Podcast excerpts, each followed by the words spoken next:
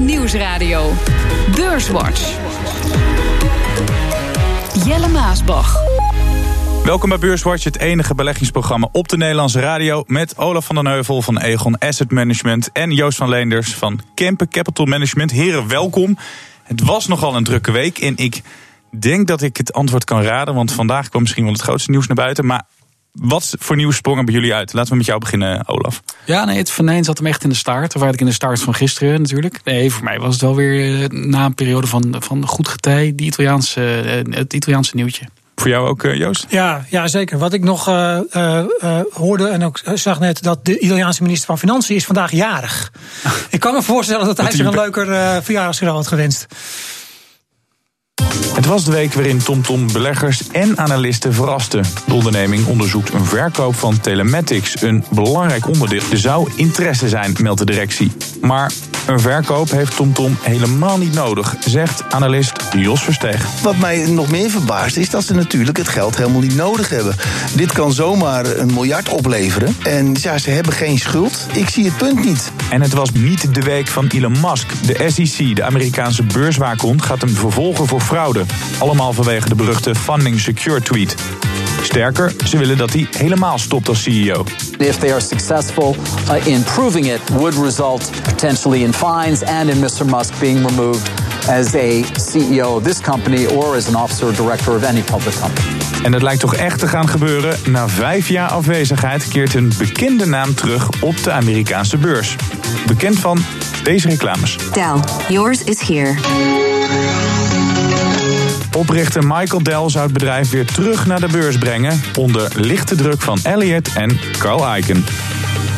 Zeiden het net al, we beginnen in Italië. Aan het einde van deze middag werd de handel in bankaandelen op de beurs van Milaan stilgelegd. Unicredit, Intesa San Paolo, Monte di Paschi di Siena en Mediobanca. Voor het stilleggen gingen tot wel 7% van de koers van deze banken af.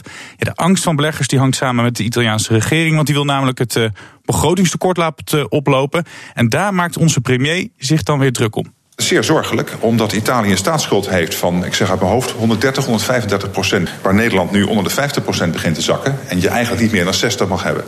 Dan zouden ze toch weer uitkomen op een tekort, volgens de berichten in de media. Maar we moeten dat nog bevestigd krijgen. Uh, wat ver ligt boven wat zou mogen. Ja, never a dull moment in Europa, Olaf. Je zou kunnen zeggen, we wisten toch ook dat dit eraan zat te komen... dat de Italianen uiteindelijk die begroting toch weer uit de hand zouden laten lopen? Of zeg je nee, dit was eigenlijk onverwachts? Nou ja, de markt laat duidelijk zien dat het, uh, laat duidelijk zien dat het onverwacht was. Ik denk ook dat het Franse recente nieuws, waarbij Macron wat meer ruimte nam, dat dat ook wel geholpen heeft hierin. Ja, ze voelden duidelijk de druk om echt iets te gaan, uh, gaan doen in Italië. En ja, ik denk niet dat de markt dit verwacht had. Is Italië een probleem, Joost? Ja, het is, natuurlijk, het is natuurlijk wel een structureel probleem met lage groei. En daarom moet je ook de lage tekorten hebben, omdat je al een enorme staatsschuld hebt en er uiteindelijk uit wil komen. En moet ook niet vergeten, het, het, eh, het tekort voor, dit, voor, uh, voor, voor volgend jaar zou eigenlijk 0,8 zijn. Er werd een beetje gespeculeerd. Nou, misschien gaat het naar 1,6, is al dubbel. En nu gaat het naar 2,4 procent van de BBP. En dan kom je gewoon in aanvaring met de Europese Commissie. Omdat je zo'n hoge staatsschuld hebt, moet je dat tekort lager hebben. Dus daar, daar, gaat, een, daar gaat nog een clash plaatsvinden. Misschien is dit een openingsbod. Hè? Misschien is het openingsbod dat ze zeggen, nou we zetten hoog in en dan kunnen we nog een beetje water bij de wijn doen.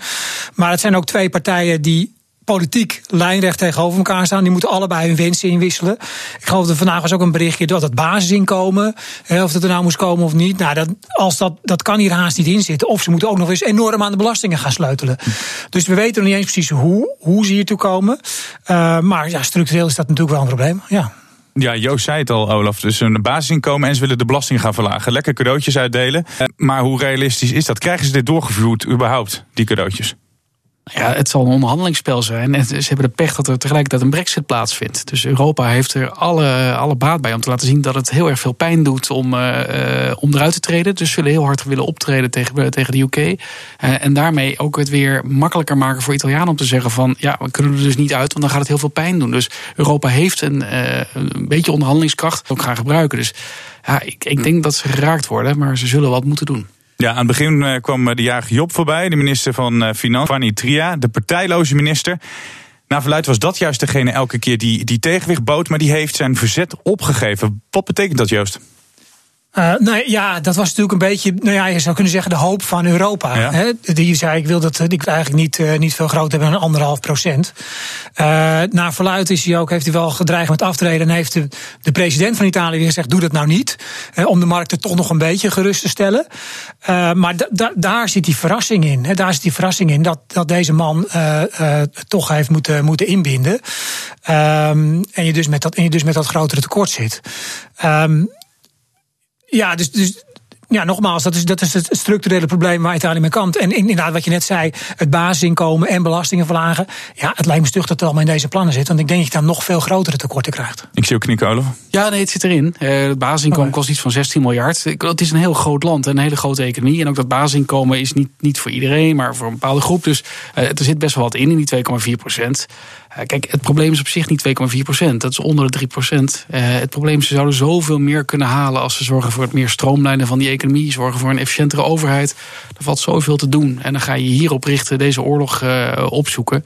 Het is onhandig, het is onverstandig. Ja, ik, ik, denk waar ook nog een beetje op gerekend was, denk ik. En misschien komt dat nog, is eigenlijk de disciplinerende werking van markten. Hè? Dat eigenlijk een beetje het idee was van ja, durf eens aan om echt, om echt ruim boven, dat, boven die norm van de, van de Europese Commissie eigenlijk te gaan zitten. Ja. Want je weet dan dat de rente gaat oplopen. Dat zagen we ook. 30, 40 basispunten. Is nu weer ietsje teruggelopen. Maar een beetje, ja, durven ze dat aan? Uh, want als die rente echt snel gaat oplopen, dan creëren ze natuurlijk hun eigen probleem. Maar ja, op dit moment durven ze dat aan, dus kennelijk. Gaan we naar iets leuker nieuws. Waar het dan wel weer lekker gaat, is de olieprijs. Die steeg afgelopen week naar het hoogste prijs van eind 2014. is goed nieuws voor de OPEC. Wie er dan weer niet blij mee is, dat is uh, president Trump. Die haalde op zijn manier hard uit naar de organisatie. OPEC and OPEC nations are as usual ripping off the rest of the world. And I don't like it. Nobody should like it. And then they take advantage of us by giving us high oil prices. Not good. Not good. Heeft hij een punt, Olaf? Ik denk dat dit eh, voor de Amerikaanse economie en voor het heartland van Trump heel goed nieuws is. Want al die shale-olievelden en al die pijplijnen in Amerika die kunnen vol open. En ze kunnen er hartstikke rijk mee worden. Dus ze worden de grootste van de wereld, hè? Of ze zijn op dit moment. Ze eh, zijn al de grootste. En dit gaat tegen deze prijzen. Is het een goudmijn. Dus die Amerikaanse economie krijgt gewoon weer een extra steuntje in de rug. Maar waarom doet hij dit dan? Uh Joost? Ja, het is moeilijk om in zijn. Uh, nou ja, kijk, uh, dat zijn inderdaad de producenten, die profiteren ervan. De consument uh, klaagt natuurlijk op een gegeven moment over hogere benzineprijzen in de VS. Die, die moet hij ook te vriend houden. Dus ik denk dat het dat is.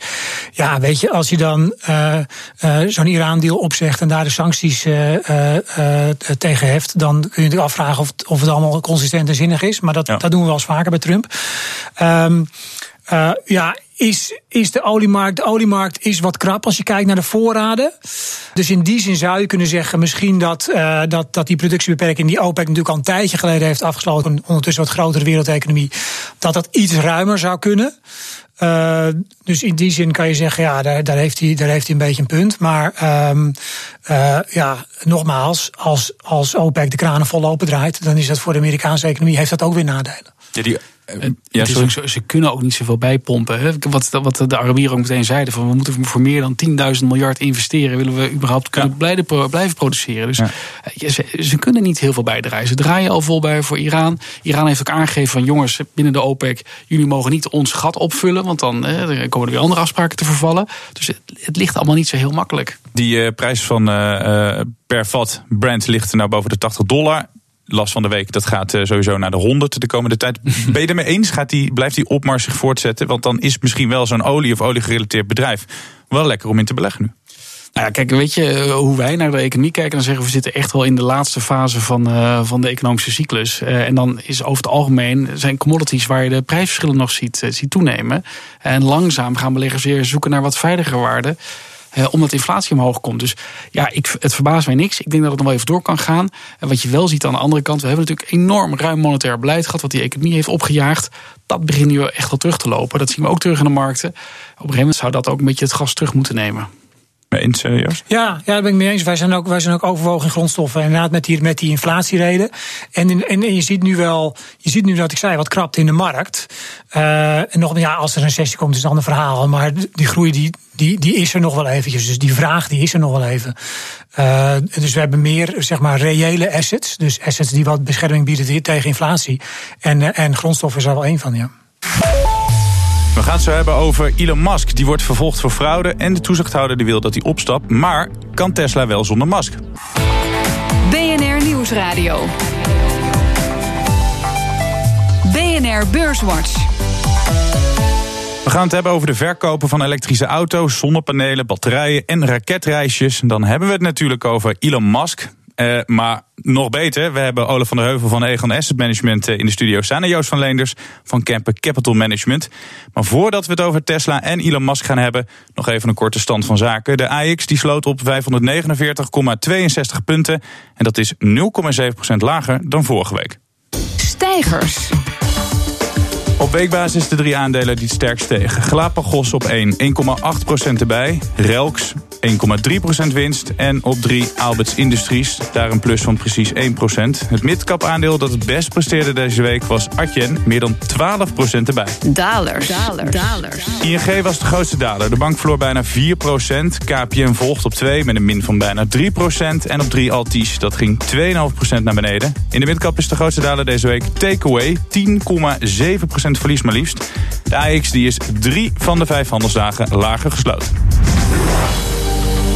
Ja, dat was de Nederlandse beurs, maar we gaan toch echt even naar de Amerikaanse beursnieuws. Want Elon Musk die wordt vervolgd door de SEC, de Amerikaanse toezichthouder. Je zat ongetwijfeld erbij meegekregen. Alles draait om die beruchte tweet waarin hij zei dat hij Tesla van de beurs ging halen. En oh ja, dat de financiering weer rond was.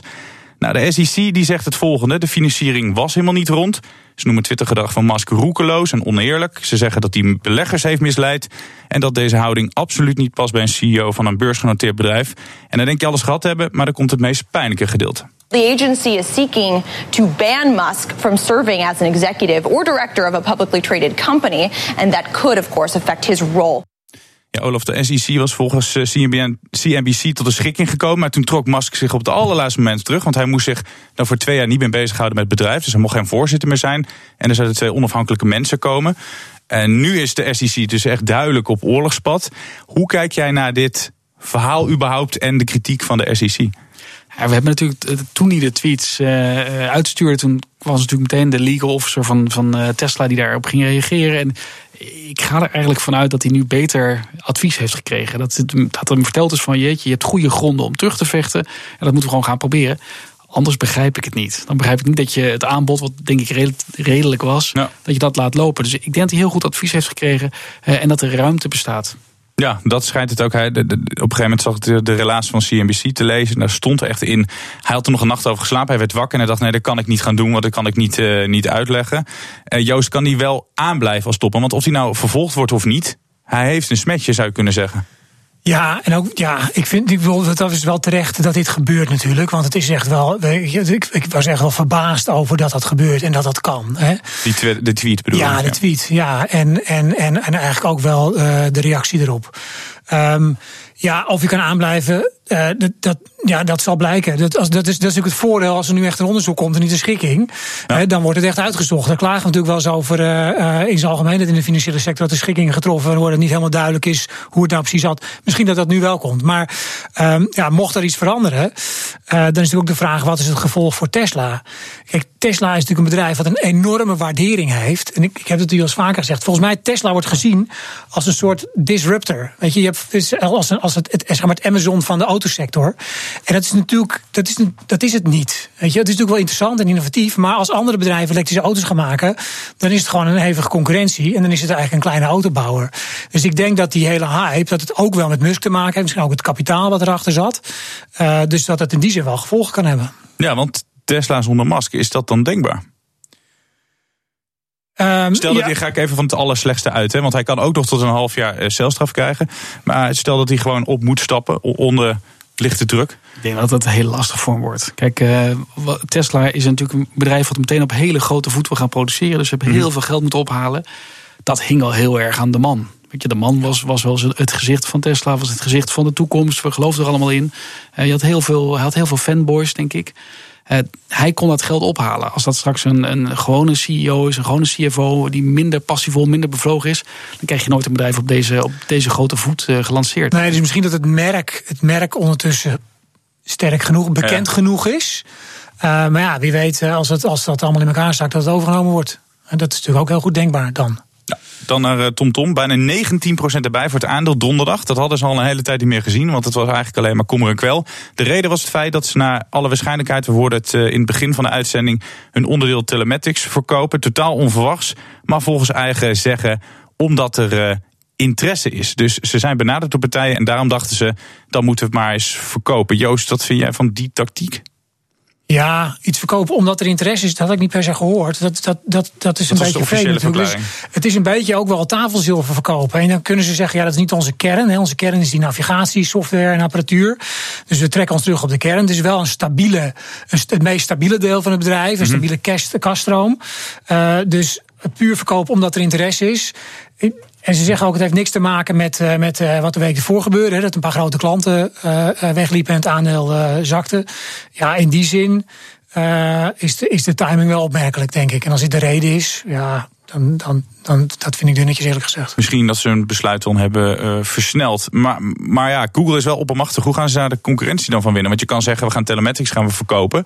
Maar dan, dan blijf je natuurlijk wel met hetzelfde probleem zitten. En dat is die ja. grote reus uit Amerika. Nou, dat is ook zo. Want dat is een kleine speler. En kun je, zou je kunnen zeggen, misschien moet je dan nog meer op die strategie terugtrekken. Om je daar helemaal op te focussen en op te concentreren om dat te kunnen doen. Je zou nog kunnen zeggen, misschien dat niet alle, alle autoleveranciers dezelfde, dezelfde uh, alle autobouwers dezelfde leverancier willen hebben. Dat dat nog pleit voor TomTom. Maar uh, wat dat betreft is, het, is, het, is dat ook een lastige markt. Ja. Hoe zie jij de toekomst van TomTom, uh, Olaf? Nou, kijk, dit is een, vind ik een hele rare keuze. Met de informatie die we hebben. En ik denk niet dat we alle informatie hebben. Maar dan zou je altijd gaan voor het onderdeel wat hard groeit. en waar je minder concurrentie op hebt. in plaats van het omgekeerde. Dus het feit dat je dat nu net anders doet, is, is verrassend, denk ik. Ik, ik zag wel ook het bericht dat uh, bijvoorbeeld Volkswagen nu samen met Microsoft gaat werken om uh, alle gegevens van de hele vloot, ja. uh, van de hele, alle autovloot in, in de cloud op te gaan slaan. Ja, dat is natuurlijk een beetje hetzelfde als wat Telematics deed. Dus misschien is dat, dat het wel gewoon erop. Van weet je, ook daar gaan ze niet winnen. En denken ze dat de kans groter is op, op het oude gebied. En dan navigeren we, om in de termen te blijven, naar de Nederlandse bankensector. Die was, op, sorry, die was afgelopen dagen in het nieuws door een nogal opmerkelijk krantenbericht. De Italiaanse Unicredit zou een oogje hebben op ING en ABN. En de Nederlandse bank die zegt dat ING niet de enige bank is die problemen heeft met het toezicht op crimineel geld. Ja, dat overnamegerucht persoonlijk, ik geloof er helemaal niks van. Dat Unicredit uh, zou aankloppen voor ABN of ING. Nou ja, misschien heb ik het mis, Joost. Nou, het was zelfs op een gegeven moment ABN en ING. Nou, die zijn samen twee keer zo groot ja. als Unicredit. Unicredit heeft, uh, heeft natuurlijk ook nog kapitaal moeten ophalen op een gegeven moment. Dus dat, dat, hoe ga je dat financieren? Ik denk ook dat uh, de toezichthouder in ieder geval niet zou toestaan dat ze allebei overgenomen worden. De concurrentie onder de grote banken is natuurlijk al gering in Nederland. Dus dat lijkt me zeer onwaarschijnlijk. Nou, en met ABN in het achterhoofd die uh, dramatische overname. Zou nou, ja, natuurlijk. Ik denk, ik denk wel, dat, en dat is ook wel een beetje het beeld van, de, van, van sinds de crisis van de regering, dat banken niet, dat Nederlandse systeembanken niet zo makkelijk verkocht worden. Nee, dat klopt. Wat betreft de Nederlandse bank en dat witwassen vind ik, vind ik een beetje vind ik moeilijk te beoordelen. Vind ik moeilijk om het over te zeggen. Ik zou denken, ja, de, de toezichthouder, uh, die controleert dat, dus die weet dat. Dus uh, uh, doe er wat aan. Maar dat weet ik niet precies. Uh, hoe, hoe dat, hoe, dat, um, hoe, dat hoe je dat moet beoordelen, ja. Olaf, de Nederlandse bankensector, staat die er wel? Hoe staan onze banken ervoor? Ja, ik denk goed. Ze zitten natuurlijk ook in de goede, de goede regio. Dus, en zijn sterk gecapitaliseerd. Dus ze staan er denk ik goed voor. Uh, weet je, dat crimineel geld is denk ik wel een terecht punt. We zagen natuurlijk ook de Danske topman ja. die zijn baan kwijtraakte.